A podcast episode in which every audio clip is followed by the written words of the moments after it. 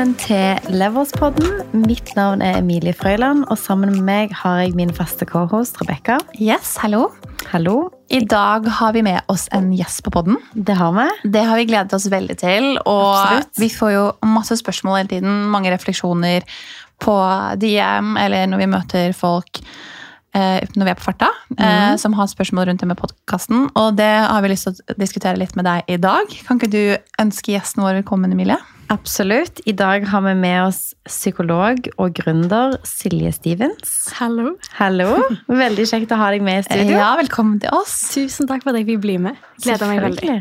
Dette her ble veldig spennende. Altså, Yes.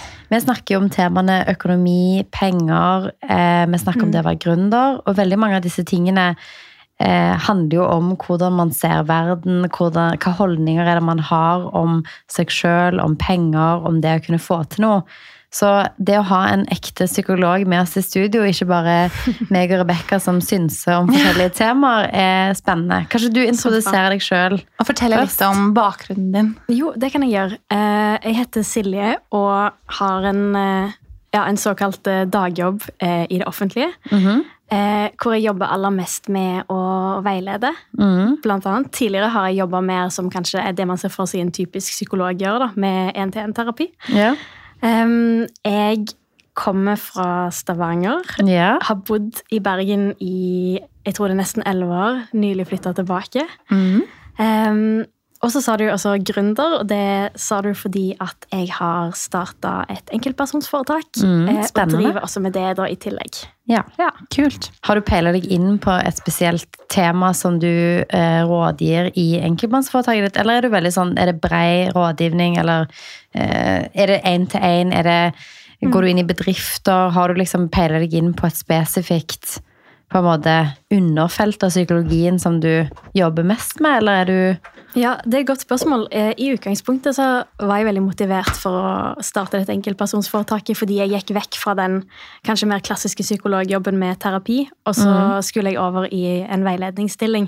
Så jeg var litt sånn redd for eh, det der å glemme hvordan man har terapi, som kanskje kan høres litt sånn rart ut, men jeg hadde nok en sånn sterk opplevelse av at det er noe man må gjøre for å ha på en måte, ha det under, innunder huden da, og ha den kunnskapen. Så det var derfor jeg starta det. Det var for å fremdeles kunne treffe klienter, selv om det forsvant litt i hovedjobben min. Ja. Eh, og etter hvert som jeg har gjort det litt, så har jeg jo kanskje innsett at jeg, jeg syns veiledning er, er vel så kjekt. Eh, og litt ved en tilfeldighet har jeg fått veiledningsoppdrag også i den eh, privatpraksisen min. Spennende. Så jeg tror, hvis jeg skal svare på det, at jeg peiler meg kanskje litt mer inn mot veiledning. Da kanskje særlig veiledning som dreier seg om eh, barn og unge, og eventuelle vansker de skulle måtte ha, eller spørsmål rundt hvordan man f.eks. Eh, kan håndtere situasjoner med barn og unge. Hva, ja, ting som går på litt sånn bredt om det. Ja. Eh, ja. Bygge seg opp liksom noen måter å håndtere vanskelige situasjoner på, da, spesielt peile inn mot unge. og Mm. Men er det, altså, for oss som på en måte snakker om, om temaet økonomi, penger, bedrift Mm. eh, Vi merker jo veldig, på, både på gjester vi har på podden, men òg når vi snakker om forskjellige temaer, at måten man tenker om penger, er veldig personlig.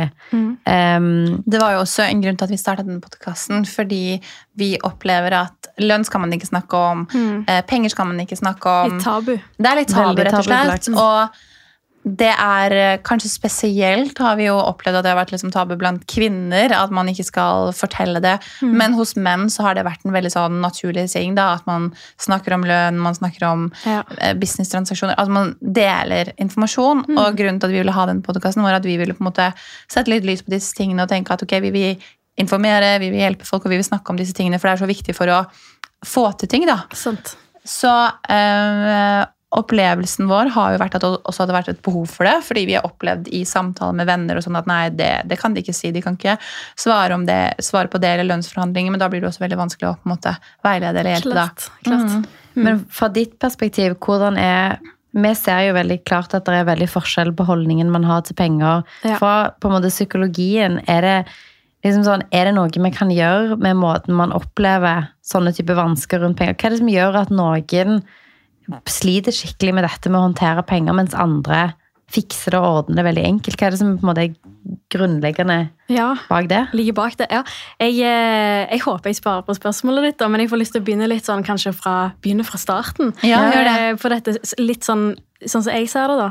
Um, og det, det handler kanskje mest om ja, rett og slett alle de faktorene som, som, eh, som har bidratt til det som har blitt deg, da. Eh, og når jeg sier det, så høres det kanskje litt sånn svevende ut, men, men det jeg eksempel mener da, det er hvem er foreldrene dine, eh, hvilket utdanningsnivå har foreldrene dine, eh, hvordan, hvordan har levekårene vært, hvordan har oppveksten vært, har, det, har dere hatt penger, har dere ikke hatt penger, eh, hvilket nabolag er du fra, er du fra en stor by, er du fra et lite sted, eh, hvordan har det vært på skolen, har du fiksa skolen, har du slitt med helsen din, enten om det er somatisk, altså den fysiske helsen, eller har du slitt med den psykiske helsen din, er du ensom, har du venner, Um, Det er veldig mange faktorer da, som spiller inn. Veldig mange faktorer, så, så jeg, jeg skal også snevre det litt inn, da, men det, det jeg ofte syns er litt sånn spennende når man snakker om eh, litt sånn eh, Og ikke, ikke dere nødvendigvis, men, men, eh, men ofte når man gjerne ønsker å hjelpe noen da,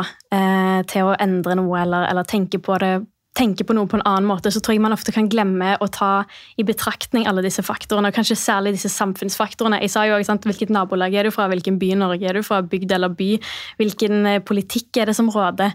Um, i Norge er dette kanskje enda litt sånn flatere, men hvis man for bruker USA som eksempel, da, så, så kan, det, da kan man kanskje få det enda tydeligere frem. Eh, så jeg kan jo gi et eksempel, Ja, bare for, for å Gjerne. tydeliggjøre litt poenget mitt. Men det er et begrep som jeg tror de kaller for cruel positivity, eh, som jeg egentlig syns er litt sånn bra, for jeg har ikke funnet en god norsk eh, Sånn oversettelse av toxic det. positivity. Ja, det et jeg vis. om her om dagen. Ja. At det, det kan godt hende at det er det samme. Mm. men det det handler om, er på et vis litt sånn eh, velmenende veldig ofte, da, hjelp eh, som ikke tar hensyn til all denne, denne paraplyen av ting da, som, som spiller inn på hvordan vi har det.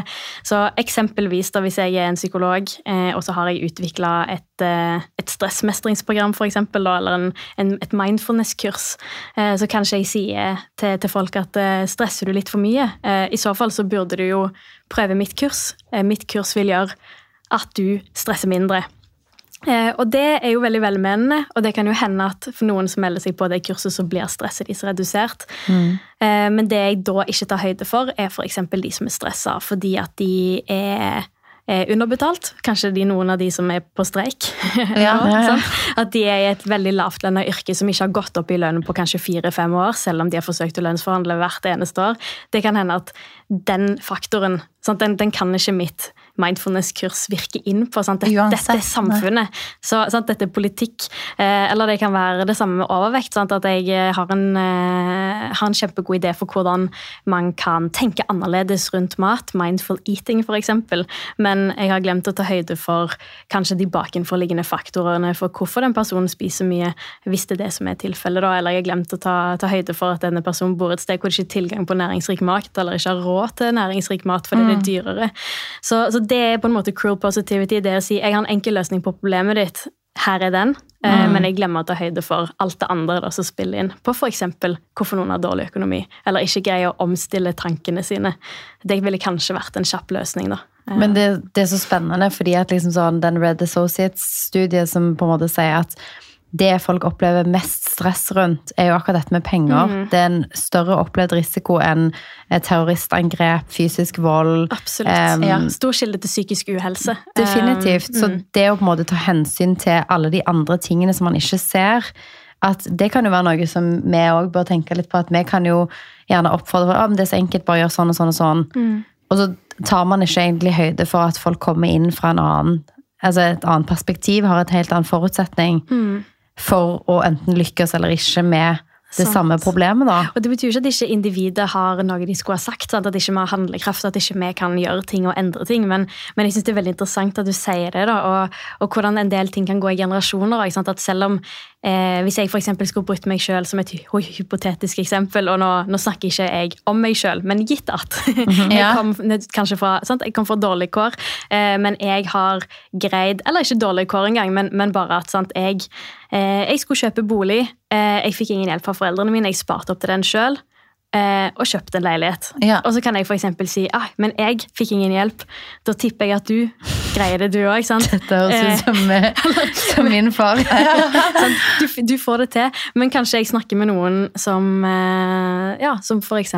har en psykisk lidelse, som har gått ubehandla, ikke fått noe støtte og hjelp til det, som krever ekstremt masse kapasitet, som jeg ikke har. Sant? Så de andre ting å bale med, som jeg slipper, bare som et sånt banalt eksempel. Da. Eh, Så selv om vi kan tilsynelatende ha et likt utgangspunkt, at begge to har si samme inntekt og begge to skal spare opp fra starten, så har jeg kanskje et bedre utgangspunkt likevel, som jeg ikke ser, da. For det er litt sånn usynlig. Ja, det er mange. altså sånn jeg så, Det kom opp på TikTok. Det var et eksperiment som var gjort på eh, mus eller rotter, hvor eh, med lukten av lavendel så fikk de støt. Det er jo et grusomt eksperiment, eh, og kun utført på, på rotter. Men eh, de rottene var jo da selvfølgelig veldig sånn eh, stressa og uvel når det kom lukt av lavendel, uavhengig av om det kom støt etterpå eller ikke, fordi at de forbindte den lukten med smerte. Ja. Eh, og det som er interessant å se, var at barnene av de samme rottene hadde Stemmer. òg samme redsel mot lavendel, selv om de aldri hadde fått sjokk. Det som er så interessant, det kan, ned, det kan nedarves, da. Og til og med barnebarna til de rottene hadde samme frykt mot Og det sier jo litt om de usynlige faktorene som eh, går i generasjoner. At hvis du har besteforeldre som eh, hadde ekstreme vanskeligheter med økonomi, og som har gitt mye av det traumene videre i generasjonen, så kan du slite med mange uoppklarte eller uoppgjorte ting, selv om det ikke har vært ting som du direkte har opplevd. Absolutt. Og det du refererer til, er faktisk at vi vet at miljøpåvirkning kan endre genomet vårt Mm. eh, inni kroppen, som igjen sant, er det som nedarves. Men hva er det som da gjør at noen som har hatt de samme forutsetningene for å lykkes, er at man har to personer som har vært i ca. samme oppvekst, ca. samme miljø, samme type nabolag, samme type politisk mm. eh, på en måte dreining i familie eller nærmiljø. Hva er det som gjør at man, noen på en måte klarer å liksom beat the odds kontra andre? Er det Ja. noe man kan lære seg opp til Mm. med de samme forutsetningene? Det er et veldig godt spørsmål. Eh, og jeg tror sånn, Ofte så refererer man i, i psykologien til den biopsykososiale modellen. Jeg vet ikke om dere kjenner til den. Nei, hva det? Eh, Dette er en modell som eh, forsøker å forklare sant, hvorfor kan, altså, På en kanskje litt sånn simplistisk måte, men, men hvorfor, hvorfor det er forskjell på oss. Da man kan jo for se på søsken som vokser opp i samme familie, kan bli så ulike. Og så kan man tenke Sant. de skulle jo tilsynelatende ha så like oppvekstvilkår, de samme foreldrene, den samme oppdagelsesstilen. Eh, men biopsykososial modell ser da på f.eks. biologiske sårbarheter. Det kan jo være noe som er nedarva, f.eks. Og sånne ting trenger jo sant, ikke begge to å få, hvis, hvis man tar utgangspunkt i to søsken. da, at en, en søsken kan få astma, den andre trenger ikke å få det. Eksempelvis. Så det er biologisk sårbarhet. Eh, og så har du det sosiale, det er da det miljømessige. Eksempelvis så kan det hende at ett søsken har to bestevenner i klassen, men det andre søskenet har ikke det. Så der er det jo faktisk en ulikhet i miljøet. Eh, og så har du psyko, som jeg alltid er sånn litt usikker på, for jeg syns den kan minne litt om biolog biologisk sårbarhet, men jeg, jeg, sånn som jeg har tenkt om den faktoren, da, er at det handler litt om eh, psykologisk sårbarhet, kanskje også litt sånn personlighet, temperament, lynne. Det kan vel også være noe man kan være litt sånn født med, om man er litt reaktiv, eller om man er rolig, eller um, Så da kan man se for seg at man er, har veldig like oppvekstvilkår, men disse tingene kan likevel være ulikt, da. Ja. Um, men det du kanskje spør om, er jo også litt sånn, ja, men er det noe man kan gjøre selv, da? Litt Ja. sånn, eh, eh, og det er det jo heldigvis. Eh, Ja. Er det det? Um, og dere snakker jo om ganske mye av det i denne podkasten. Litt sånn det der med selvrealisering på et vis, og energi, og dere snakket om manifestering. Det kan jeg ikke så mye om, så det tør jeg ikke snakke om. Men eh, det, det jeg hadde tenkt å nevne, var jo dette med eh, litt sånn lært hjelpeløshet, da. Eh, som er et begrep man gjerne bruker eh, der man ser at noen kanskje har falt inn i et slags handlingsmønster der man ikke gjerne har en opplevelse av at eh, en kan påvirke sitt eget liv, da. Eh, Rett og slett at det at jeg ja, det, det at jeg f.eks. ikke har en opplevelse av at det nytter å gjøre det godt på skolen, for, eller gjøre det godt, prøve å jobbe hardt, eksempelvis, fordi at det uansett vil gå dårlig med meg. Det ville vært en sånn Ja, det spiller ingen rolle hva du gjør. Ja. Nei, det spiller ikke noen rolle. Jeg, jeg har uflaks, eller ja. Og dere har jo også referert til studier som, som handler om det. Ja, Ja. Som handler om dette med, med positivitet, eller det å ja, tro på seg sjøl, og at det faktisk Eller de som har mer flaks, er de som gjerne også Husker jeg rett? De som gjerne Mm. tror at de um, tror, har tro på seg sjøl også, da, og tror at Ja. det vil gå de godt. Um, og, og det stemmer jo det dere hadde referert til før, da, at det er studier på det. Um, så det er jo kanskje litt hvordan bryter man lært hjelpeløshet? Eh, og hvordan bygger man opp en persons mestringstro, da? Mm. Eh, og det kan jo være et, eh, et prosjekt, eller noe, noe som krever litt ulike ting. Ja. Men det som er godt for veldig, veldig mange mennesker, litt sånn uavhengig, da, er jo det å føle seg sett og føle seg bekrefta. Sånn at istedenfor å, å kanskje bli møtt med eh, et argument for hvorfor du bør tenke annerledes, eller et argument for hvorfor eh, bare sånn, så blir det bedre, er jo, er jo egentlig å bli bekrefta eller validert, som vi gjerne sier. da. Eh, For når noen føler seg sett og forstått, så er man plutselig i en helt annen posisjon til kanskje kunne drøfte noe videre etterpå. Så for eksempel eh, hvis jeg sier til deg, Emilie, at eh, men du, det er jo bare å eh, jeg vet ikke hva jeg skulle sagt. Det er nå bare å jobbe litt hardere, eller bare slutt i jobben din, du trenger ikke være nervøs, eller noe sånt. Og så sier du Nei, men jeg, jeg det, Du skjønner ikke det, Silje. Liksom. Jeg har ikke lyst til det, for det føles som jeg risikerer alt. Ja. Og hvis jeg da bekrefter det, så kan jeg si sånn «Ja, jeg, jeg skjønner det. Jeg skjønner det, jeg, skjønner det. ja. Jeg, jeg, ser at du blir redd, jeg ser at du blir stressa når vi snakker om dette. Mm. Det, kan, det, er, det er ikke godt for deg. Eh, Dette her, dette er vanskelig. Nå ser jeg at du har det tøft. Mm. Og så ikke si men. Rett etterpå, da. Det er, en, det er jo egentlig en sånn aktiv lytting kontra liksom å på en måte bare fortelle noen akkurat det som gjerne hadde funka for deg. Det er jo Noen ganger så er man gjerne i en situasjon hvor man ønsker forståelse kontra liksom Ja, men det er jo bare å. Eller det er jo bare sånn og sånn. Man møter jo Alle møter jo veggen av og til hvor man bare er sånn Nå har jeg knekken. Dette her eh, Jeg har prøvd tusen veier inn, og det funker ikke. Ja. Og da trenger man av og til bare en liten pust i bakken kontra noen som er sånn Det her er ikke et problem. Ikke tenk på det. Null Ja. stress. Um, Ja, Men- føle seg sett. ja, å føle Ja. seg sett og føle seg hørt, og liksom skjønne at de problemstillingene man sitter med, er vanlige. Og det tror jeg òg at sånn, mange av de tingene som vi snakker om her òg, er jo ting som eh, kanskje er litt tabubelagt å snakke om. Om det er penger, om det er lønnsforhandlinger, om det er mange av de problemstillingene som man blir bedt om ikke å snakke så høyt om. Absolutt. Um, jeg syns jo det er interessant med psykologien bak penger, det at de eneste som på en måte eh, tjener på at man ikke snakker om de tingene, og spesielt gjerne som i en marginalisert gruppe, da, det at man ikke snakker om de problemstillingene De eneste som på en måte har noe å vinne på det, er jo de som allerede har vunnet på det. Ja. At liksom sånn, Jeg husker godt når jeg jobbet i en stor bedrift, at man ble liksom oppfordret til ikke snakke om de tingene med oss andre som var unge og nye. Men hadde vi gjort det tidligere, så hadde vi jo funnet ut at det var 200 000 som skilte oss Ja. på en gruppe på ti stykker. Og det tror jeg at den som lå lengst nær og den som lå lengst oppe, hadde jo hatt lyst til å kunne hjelpe hverandre. Men det å spille hverandre mot hverandre og liksom lage et tabu om at penger, det snakker vi ikke om, det lønner jo veldig arbeidsgiveren, som da er sånn ah, da slapper jeg å betale ti stykker 200 000 mer. Det er jo supert. At um, hva er det du tror er liksom den psykologiske grunnen til at det er jo selvfølgelig veldig innpakka mange lag med ting. Man har blitt fortalt hele barndommen at penger er noe man skal skamme seg litt over. Spesielt hvis man ikke er flink med penger. Ja. Da skal man spesielt skamme seg, for det er noe som alle bør vite hvordan man gjør, selv om man ikke lærer det på skolen. Mm. det er litt sånn Um, der, Du bør vite hvordan du betaler en regning, du bør, du bør fikse hvordan du får et lån.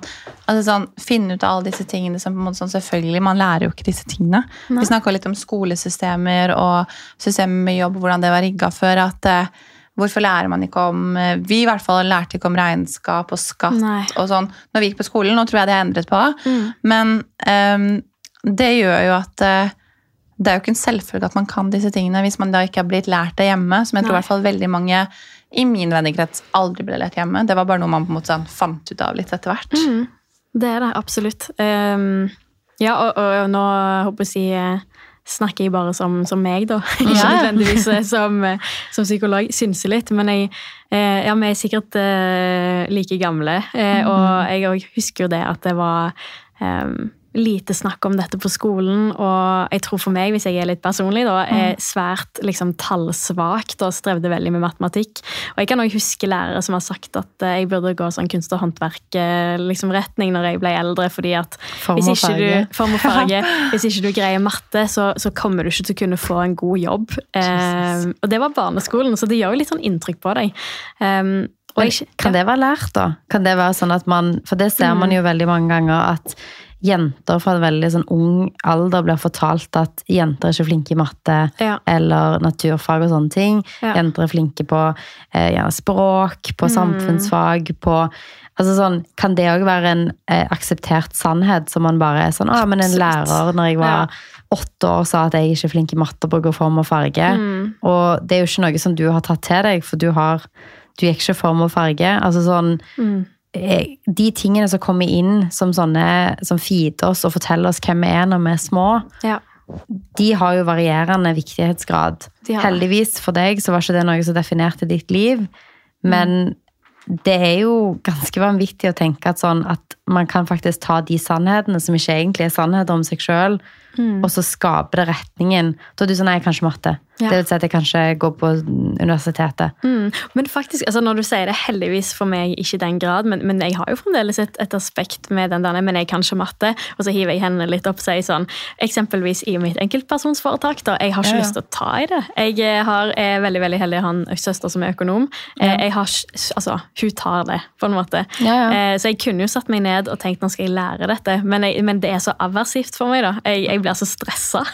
Ja, ja. Og jeg tror, nå skal jeg ikke jeg skylde på denne her eh, femteklasselæreren, eller hva det var, men, Mm. men jeg tror jo det er mm, I hvert fall for meg har jo det, det absolutt påvirka litt eh, ja, mestringstro på det området, da. Og så Mm. er jeg kanskje ikke så veldig god i matte, men jeg tror jo absolutt at jeg kunne lært det litt bedre enn enn på det nivået hvor jeg er nå. Og det er sånn 90% av den matten man lærer på videregående, altså- altså uavhengig av hva man jobber med nesten, så er det ting man aldri får brukt igjen. Altså hvis noen hadde sagt at ok, algebra 2 på videregående er noe du kommer til å trenge for å jobbe i bank og finans, jeg har aldri brukt noe av det Nei, i de jobbene jeg har hatt. sånn at det er jo også sannheter man blir fortalt om hva som kommer til å være viktig for deg eller Ja, ikke. det Og det at man ikke lærer barn om penger, om skatt, om eh, masse av de tingene man faktisk trenger Mm. for å f.eks. starte bedrift, for å starte med sparing i fond, for å gjøre ting riktig på skattemeldingen sin. Ja.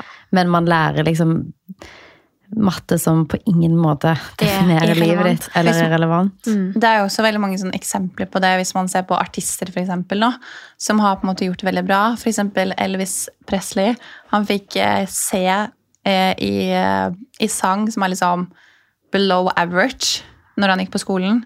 Shakira fikk ikke lov å joine koret. Mm. Eh, og se på de liksom nå har på en måte vært noen av de liksom beste artistene vi har. I hvert fall Elvis. Og hvis man på en måte er forma til å tro at det er sannheten sin, eh, så tror jeg man ja, blir veldig begrensa, akkurat som det vi snakka når det kommer til økonomi. Men det er også sånn andre, andre jobber. da, at man Ja, jeg vet ikke. Jeg tror du har rett, og så tror jeg likevel også det som er så interessant med dette, er at noen av disse tingene er litt sånn usynlige. Så jeg tipper jo at, eh, at jeg i hvert fall har jo sikkert fremdeles en del sånn etablerte sannheter som jeg ikke vet om at er ting, eller er leveregler for meg. Fordi Ja. de er, jeg har aldri tatt stilling til at Det det, går an å utfordre dem. Ja. Eh, så man har jo så mye blind spots. Så, Ja. så det er jo det greier man å se sine egne leveregler, da. Eh, som er gjerne konstruert og kanskje kommer fra et sted som ikke er, helt heldig, eller som kan spenne litt bein på deg. da. Eh, Mm. og Det jeg tror det er å, kan være vanskelig å oppdage hvis ikke man ehm, har litt flaks, eller noen, Ja, vi har- noen som utfordrer deg litt på en, på en vennlig måte. da. Vi har jo snakka liksom litt det der å gå gjennom livet og leve og ikke eksi bare eksistere. Og jeg tror veldig mange, hvis man bare på en måte følger det man bare er vant til hele livet, og tenker at ting er sånn, så kommer man på en måte heller kanskje aldri ut av det. da, At man på en måte lager begrensning for seg selv hele veien, og det eh, begrenser det potensialet man i utgangspunktet har. da, Tross ulike forutsetninger, som hvor man kommer fra men veldig mye på en måte av miljøet. Um, Jeg tror det kan være veldig fint med liksom det dere tar opp i denne podkasten, at, at eh, de lytterne dere har, kanskje kan bli litt bevisst sånne blind spots de har, eller, Ja. eller sånne leveregler. Sånn Å ja, liksom, kan jeg starte egen bedrift selv om jeg ikke kan masse om dette temaet? Det var ikke klar. Jeg har bare tenkt at man ikke kan det, men, men nå sier jo de at det er ikke tilfelle tilfellet. Det er jo ok, liksom. Så kan man merke seg det, for eksempel. At, ehm, men det skal nok kanskje litt sånn flaks til at man kommer over en eller annen kilde eller inspirasjon eller eh, en nær venn som, som eh, som påpeker på en måte de raritetene vi har litt. da. Jeg tenker at det er veldig fint eh, sånn som at vi er i 2023, hvor vi på en måte har mye informasjon tilgjengelig på sosiale medier. Man snakker om ting, og man har mye mer tilgang på informasjon enn det man hadde bare både 5, 10, 15, 20 år, jo lenger tilbake man kommer. Og at nå på en måte blir det mye mer f.eks. mental helse. Det å gå til psykolog, jeg vet ikke, men jeg snakka med en venninne om det for, eh, for noen dager siden hvor, hvor det, måte, det er en helt vanlig ting. Og det er ikke noen som hopper i stolen ved at noen går til psykolog. Men det var også en tabuting når vi var yngre, at hvis man gikk til psykolog, så Ja. Det, det var ikke bra, men nå er det en sånn der, det er en kjempefin ting å kunne gå til psykolog og finne ut om seg selv og ta tak i problemene sine. Jeg vet ikke om du har opplevd eller noe i forhold til det, men at man, man nå har på en måte ressurser tilgjengelig på en helt annen måte Ja. enn det man hadde før. da. Jeg tror absolutt du har veldig rett i det, at den, den tabuen er, er ganske kraftig redusert. Og kanskje særlig med de som er enda yngre enn oss eh, nå òg, at, at dette er noe som viskes mer og mer ut. Men så er det jo også sånn kritikk, eller kritikk, men, men, men jeg har noen som gjerne opplever at eh, det, det kan være ikke ulemper med at det er mindre tabu, men gjerne det at flere har fått øynene opp for det, og hvis det f.eks. brukes mer i Altså Som et selvrealiseringsprosjekt kan da psykologressursene forsvinne for de som er skikkelig syke. da. Um, og Ikke at jeg har noe svar på det, men, men det, det er interessant og, å, å se liksom hva, hva gjør eventuelt en sånn eh, demystifisering av å få terapi, f.eks. med tilgangen på det. da. Absolutt. Eh, hvis vi tar litt, går litt tilbake til dette med penger og økonomi. em, har du vært borti veldig mange caser hvor det har vært et issue for mange? Mm, absolutt. Eh, masse skam knytta til det. Jeg har arbeida med personer som er nødt eller opplever selv at de er nødt til å gå til ganske altså ekstremer for å få penger. Eh, så det er mm, Det er Ja, det er et, det er et vanskelig tema. mm. For mange skambelagt. Eh, litt ut ifra på en måte livssituasjonen, men, men man har kanskje eh, foreldre som har små barn, som er jo kanskje en gruppe som er særlig ramma nå hvis du er en lavinntektsfamilie eller du er aleneforsørger og i tillegg har barn som er veldig dyrt. da, i hvert fall i Ja. den, den småbarnsfasen eh, som strever. Um, og eh, ja, særlig kanskje etter pandemien eh, og med økt levekostnad nå, så er det, det er veldig aktuelt for veldig mange i Norge. Ja, tror du det er mer vanlig enn man skulle tro? At folk har problemer eller anstrekte forhold, eh, forhold knytta til penger? Mm.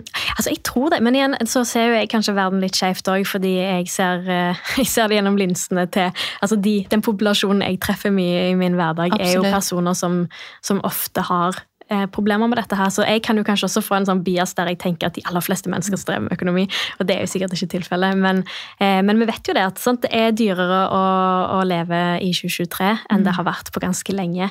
Eh, sånn som dere sier, penger er tabu. Eh, Det er noe som også psykologprofesjonen tar veldig lite i. Det er veldig mange som eh, eksempelvis ikke spør om personers økonomi når man gjør en anamnese, som er på en måte litt den der første samtalen man har med en klient, der man prøver å finne litt ut av bakgrunn og livshistorie. Man kommer liksom ikke helt ikke det, det har ikke vært, Nå har det vært tatt opp liksom en del i, i våre psykologtidsskrifter, blant annet, at dette her må opp på agendaen. Det er en så viktig faktor da, for hvordan folk har det. Ja. Men jeg tror det har vært glemt litt, da. Eh, kanskje. Tidligere. Men tror du òg at eh, nå har man jo eksempel hatt en Norge bak fasaden, hvor man så et lite titt inn på hvordan fattigdom er i Norge. Man har hatt 25 sesonger av Luksusfellen. Det er jo noen av disse tingene som viser litt sånn bak fasaden, og de tingene folk jobber gjennom. Eh, mange av de som i hvert fall historisk har hatt mulighet til å dra til psykolog, det òg er jo en, en litt privilegert gruppe. At hvis du går inn og ser på hva det koster å ha en psykolog en time eller en halvtime, Ja. Um, det at liksom man får det sånn, kanskje et litt skjevt bilde De som gjerne får de tjenestene tilbudt, de trenger det veldig, og er, har en veldig At man får et bias mot at de gjerne har kommer fra vanskelige kår. Og de som gjerne oppsøker og kjøper psykologitjenester, har gjerne en veldig privilegert Så du har liksom veldig altså polene mot Mm. hverandre, da. Ja, jeg tror det. Samtidig som jeg også tror at eh, du har en del personer som rett og slett er ganske desperate etter helsehjelp, som også går privat. Og det tar jo bare en ekstremt mye større bit ut av deres månedsbudsjett. Så, stor påkjenning. ja, så det er veldig mange som bruker penger på det, som også egentlig kanskje skulle hatt det offentlig og ikke har råd, men som ikke orker å stå i de seks altså månederslange køene, da, som det er noen steder. Ja.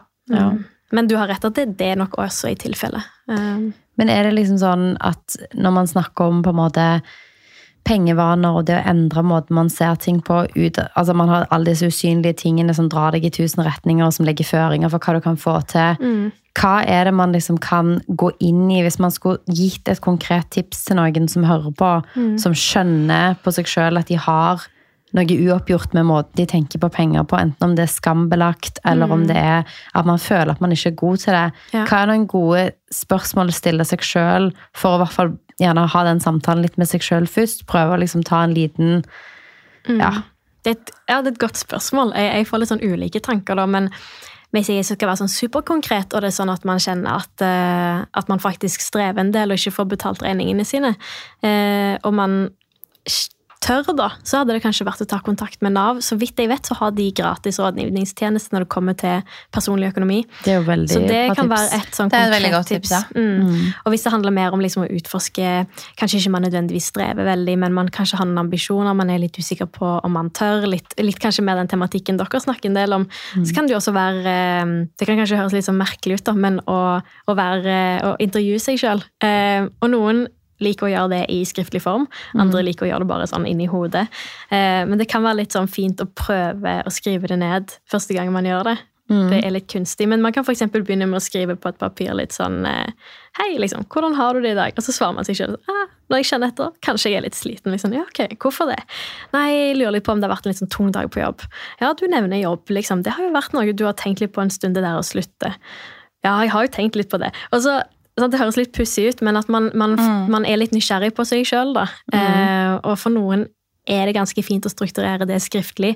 Og så kanskje man får noen nye sånne Å ja, liksom Nei, vet du hva, dette er faktisk litt viktigere for meg enn jeg trodde. Eller Nei, vet du hva, jeg er ikke klar, jeg har ikke lyst til å gjøre noen forandring. Jeg, har ikke, jeg, jeg er ok der jeg er, da.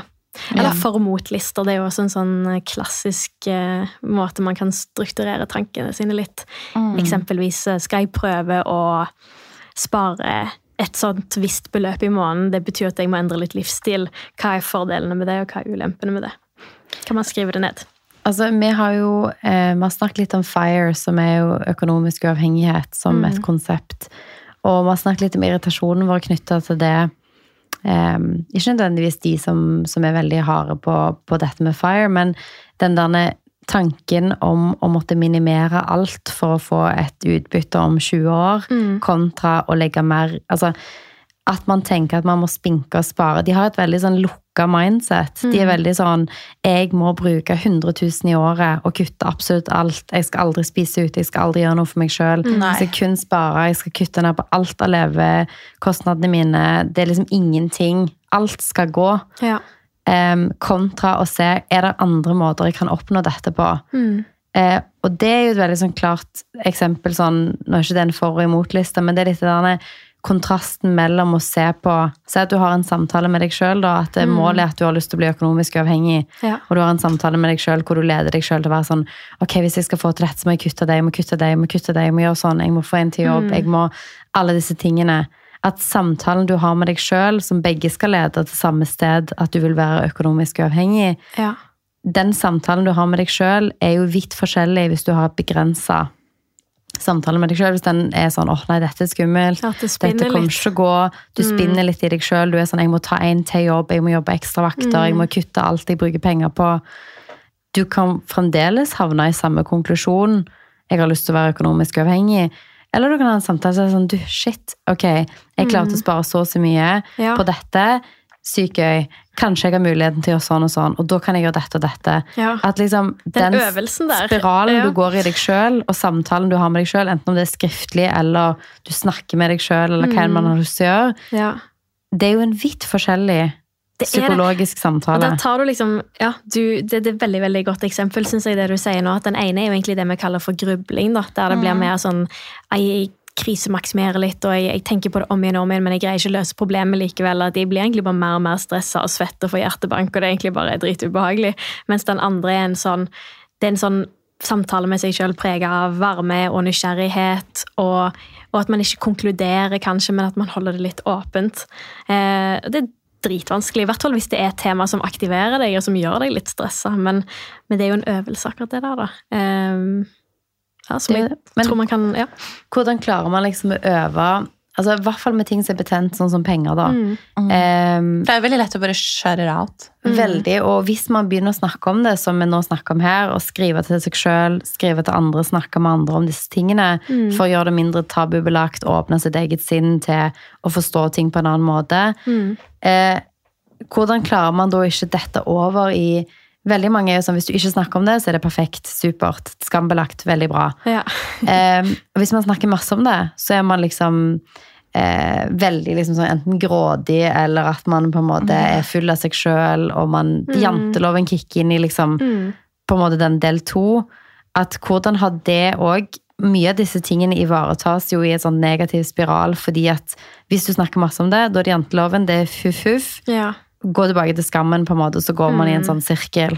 Ja, og liksom hvordan, ja, hvordan, kan man ha det litt sånn ok med det, eller finne en slags ja. middelvei? da? Um, jeg tror jo sant, igjen, Nå skal ikke jeg ha cruel positivity og komme med en enkel løsning. på det noe som er sånn sånn. det bare gjør sånn og sånn. Nei, men jeg, jeg, tror faktisk litt på det jeg sa litt i starten, med, med, det å være bekreftende og validere. Det skal man ikke bare gjøre med andre, skal man gjøre med seg sjøl òg. Og, eh, og så er det jo litt det der med kanskje å prøve å finne mellomtingen, de to tingene. At, at det er ting stort sett i verden er ikke svart-hvitt, det er ikke enten-eller, det er ikke bra eller dårlig. Eh, og vi har jo lett for å ha lyst til å kategorisere det sånn, for det gjør det enklere for hjernen vår å forstå det. Men hvis vi greier å prøve å holde oss på et sted der vi ikke skal fordømme det eller plassere det i en eller annen boks, mm. samtidig som vi er vennlige og varme og bekreftende med oss sjøl og med andre, så kan det være en måte. Og hvis jeg skal prøve å gi et litt mer konkret eksempel på det, så kan det f.eks. være at eh, si at ja, penger aktiverer meg veldig. Da. Det er noe som stresser meg. Jeg har mye dårlige assosiasjoner til å snakke om penger og tenke på penger. Eh, ja, det, det, er et skummelt tema, da. Så hvis jeg da skulle prøvd å ha dette her med ikke svart-hvitt-tenking og det å være varm og bekreftende i hodet mens jeg skriver til meg sjøl eller intervjuer meg sjøl, så ville jeg kanskje tenkt at når, eh, når jeg spør hvordan har du det, liksom, nå skal vi snakke om penger. Eh, da er jeg nødt til å prøve å være litt sånn ærlig. da. Bare sånn, Nei, nå har jeg det skikkelig dritt. Dette har jeg egentlig bare lyst til å cut off, som du sa. Mm. Jeg vil ikke snakke om dette med deg, Silje. Jo, Silje. da skal vi snakke om det. Men så er det litt, litt sånn eh, Ja, men hva føler du da? Nei, jeg og så prøve å faktisk kjenne litt etter, ikke rømme fra følelsen. Og hva er det egentlig jeg føler? Nei, jeg, jeg har klump i magen, jeg er litt redd, jeg får litt angstfølelse, eller jeg et eller annet. Jeg kjenner jeg blir svett, jeg kjenner jeg blir varm. Mm. Eh, og så skriver man det ned. Det, det, det skjer inni kroppen min nå. Og så kan man svare tilbake liksom, ja, ok. Takk for at du delte det, Silje. Liksom. Takk. Det, det, og det er helt greit, det skal få lov til å være her. Eh, men vi skal fremdeles snakke om økonomi og penger. Eh, men, men, og, men, det er helt greit at du syns det er ubehagelig. Det er en sånn aksept for at man prøver ikke å rømme fra det der fysiologiske ubehaget. men greit, liksom. man lar det bare få lov til å være der, selv om det er ekkelt. Um, og mange ganger er det jo sånn at ja. mange av de temaene er jo ubehagelige for alle. Mm. Og det hjelper i hvert fall meg veldig. at Hvis det er noe som trigger meg på en ubehagelig måte For eksempel for mange år siden så kunne lønnsforhandlinger være en sånn ting. Mm. Man ble litt svett i armene, fikk klump i halsen, unnskyldte seg sjøl litt for at man egentlig spurte om noe som man fortjente. Mm.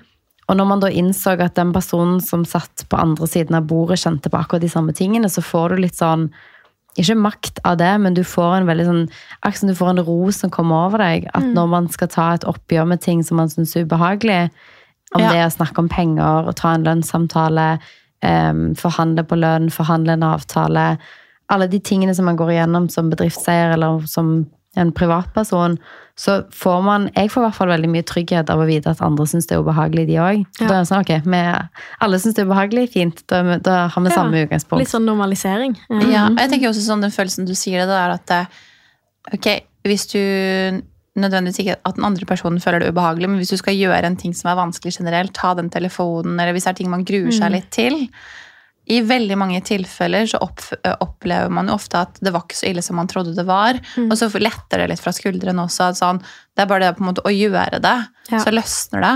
Mm. Og det tror jeg Hvis man på en måte unngår å touche det, da, f.eks. det der med økonomi, eller velge å ta tak i det, så vil det bare ligge og bygge seg opp. Men så fort man liksom begynner å røske litt opp i det, så vil det jo føles bedre også. Ja. Og det tenker jeg liksom, Hvis man bruker eksempler som du gjør, med lønnsforhandlinger, som er et godt eksempel, eller hvis man kan tenke tilbake på relasjoner man har hatt, at det er jo aldri gøy å gå og ha en dårlig relasjon til et menneske, og så tar man tak i det og liksom prøver å finne Mm. ut av det, så vil det hjelpe. Eller man må i hvert fall komme inn på kanskje et spor som er litt bedre, eller så har man prøvd. Ja. Og det tenker jeg også med eh, økonomi, sånn som du sier, at ok, det er greit, det er ubehagelig.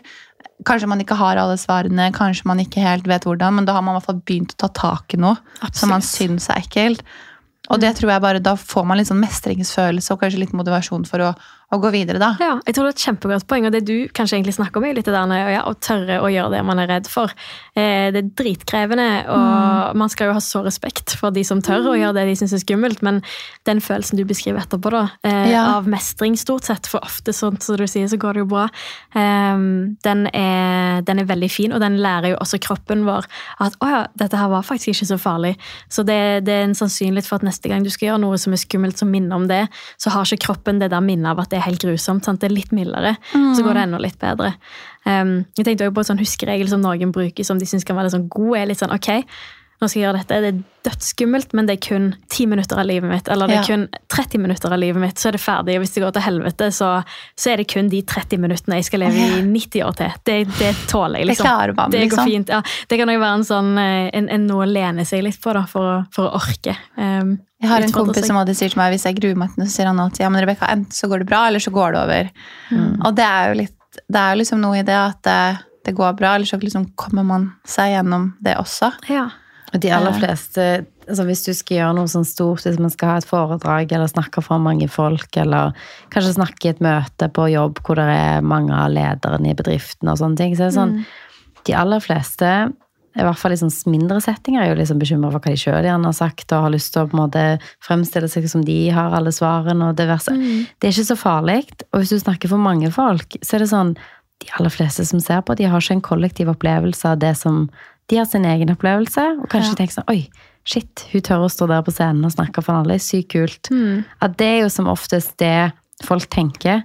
Det er jo ingen av de som har én kollektiv opplevelse, og herregud, se på hun der, Nei, som står der på en scene. Det er jo ikke sånn. det er ikke sånn. Og da blir det ikke så farlig. Det er helt sant. Um, og så vil det sikkert alltid være noen som kanskje syns at man er litt teit. eller sånn, eh, at, men, men det er det som er kanskje litt sånn befriende. òg. Sånn, man kan ikke kontrollere hva andre tenker. Og hvis man ikke spør, så vil man heller aldri få vite det. Som kan være litt skummelt, men også litt godt. Og samtidig, hvis man til og med kjenner at jeg trenger å sjekke litt inn, hva var det de syns, så vil de stort sett være veldig hyggelige og høflige. Eh, og, og kanskje ikke helt ærlige, og kanskje vi trenger litt det for å beskytte oss. Eh, Ja. Så det går stort sett bra. Um, og sånn som Ja. du sier, folk, folk tenker så mye forskjellig, og ja, det kan være sånn fint å lene seg på. Jeg synes det er så fint, altså Jeg merker at jeg tror vi kunne snakka i det vide og det brede om masse ting. Og jeg syns det er så sykt fint å på en måte bare gå litt i dybden på de der tankene og hvordan man har det, hvordan man altså sånn, kommer litt inn under huden på deg som er psykolog og på en måte opplever mennesker og har et helt annet perspektiv på ting enn det vi har. Eh, men du er jo også gründer, og du har på en måte valgt, inn, valgt å gå inn i det og starte opp noe eget. Eh, hvordan har den prosessen vært for deg? Fordi du har jo på en måte alle verktøyene tilgjengelig, det er det du har lært å jobbe med.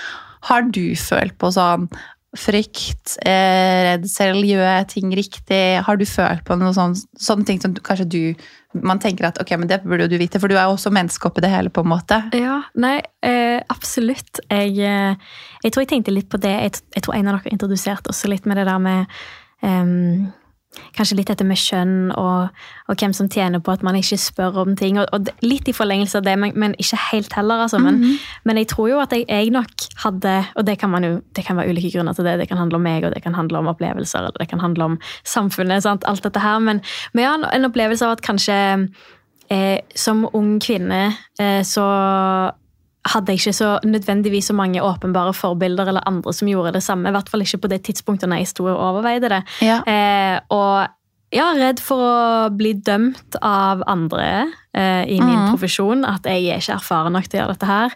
Jeg er for ung. Samtidig som jeg så at en del av eh, Altså en del menn rundt meg med ca. min erfaring tok det skrittet da, og, og, Ja. og starta egen bedrift, så tenkte jeg òg litt sånn Men i helvete, da! Da, da må jo jeg òg kunne gjøre det. Um, så, og jeg sier jo ikke at, at det, sant, det er ikke sikkert det, dette er jo ikke noe sånn evidensbasert, det er bare mitt inntrykk, kanskje, men at jeg har en liten opplevelse gjerne også innenfor mitt fagfelt at det er kanskje flere menn, i hvert fall i ung alder, da, eh, og som er relativt nyutdanna, som gjør dette, mens kvinner eh, de venter til de er mer erfaren, kanskje de venter til de er spesialist. Det tar fem år med etterutdanning for å bli, eh, før de kanskje føler at det er forsvarlig da, å starte egen bedrift. Um, i hvert fall av, av noen kvinner jeg har snakket med, at de tenker men gud, jeg, jeg kan jo ikke nok. Um, Så jeg har virkelig kjent på det. det har jeg at, ja, Er det forsvarlig? Kan jeg nok? Er det, er det innafor? Burde jeg være spesialist først? Burde jeg ha en ph.d. først? Burde jeg Men så gjorde du det. Ja. Så gjorde du det. Så gjorde Det er veldig gøy. Mm. sykt liksom refreshing å være på en måte, altså for det innenfor helsebransjen, det å være på en måte ung gründer, nyutdanna.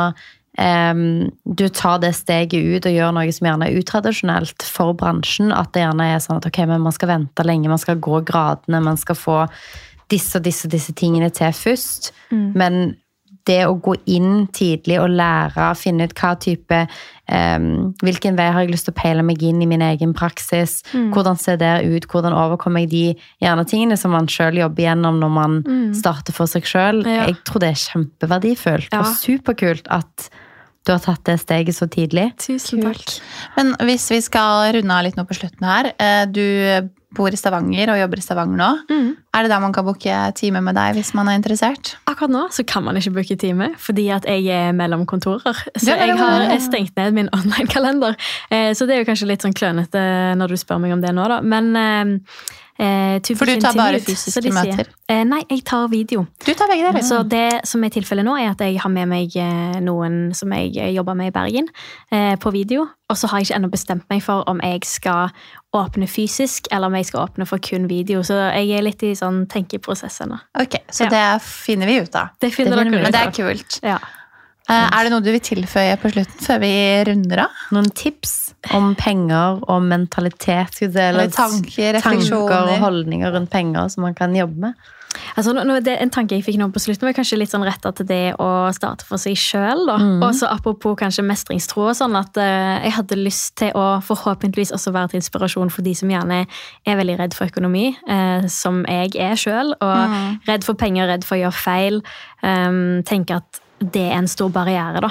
Eh, så igjen, nå vet jeg at jeg er privilegert fordi jeg har en, en søster som kan hjelpe meg med det, men det jeg har også snakket med andre kolleger som har den samme frykten som jeg jobba med når jeg jobber privat. eh, Som, som sier at sånt fiken, når du har masse type støtte app og applikasjoner man kan bruke. Det går an å kjøpe regnskapsførere. Dette kan jo, har jo dere og dere også snakket litt om. Eh, så det har jeg lyst til å si. Ikke la det være en, en barriere. Eh, du får det til selv om du tror at du er svak på økonomiforståelse. Um, og ja Det var liksom det var det var fint, Det er en veldig det- bra ting å avslutte med. At sånn, det er så lett å se på deg og tenke sånn her, du har fått til liksom så mange kule ting og har sikkert stålkontroll på alt som har med økonomi. At, at man ikke blir redd av de tingene fordi man Mm. er psykolog. Man kan alle disse knepene for hvordan man skal overvinne. Mm. Bare det at de aller fleste har ting som gjør at man blir redd og usikker. Absolutt. Skremmer deg fra, eller barrierer fra å gjøre noe Definitivt. eget. Og det å liksom se at ok, det er noen ting man kan jobbe seg gjennom, man finner noen løsninger, og så hopper man ut i det. Veldig Ikke for å gi folk akkurat det vi har snakket Ikke cruel positivity, men Nei, eh, ikke cruel positivity. Det. Men tusen takk, Silje, for at du kom og var gjest på Levespodden sammen med Emilie. Vi er tilbake neste onsdag med en ny episode. Og hvis det er noe, så er det bare å sende spørsmål, eh, tilbakemeldinger eller spørsmål rundt denne episoden, så er vi veldig glad for det. Takk for at jeg fikk komme. Tusen takk. Ha det! Ha det bra.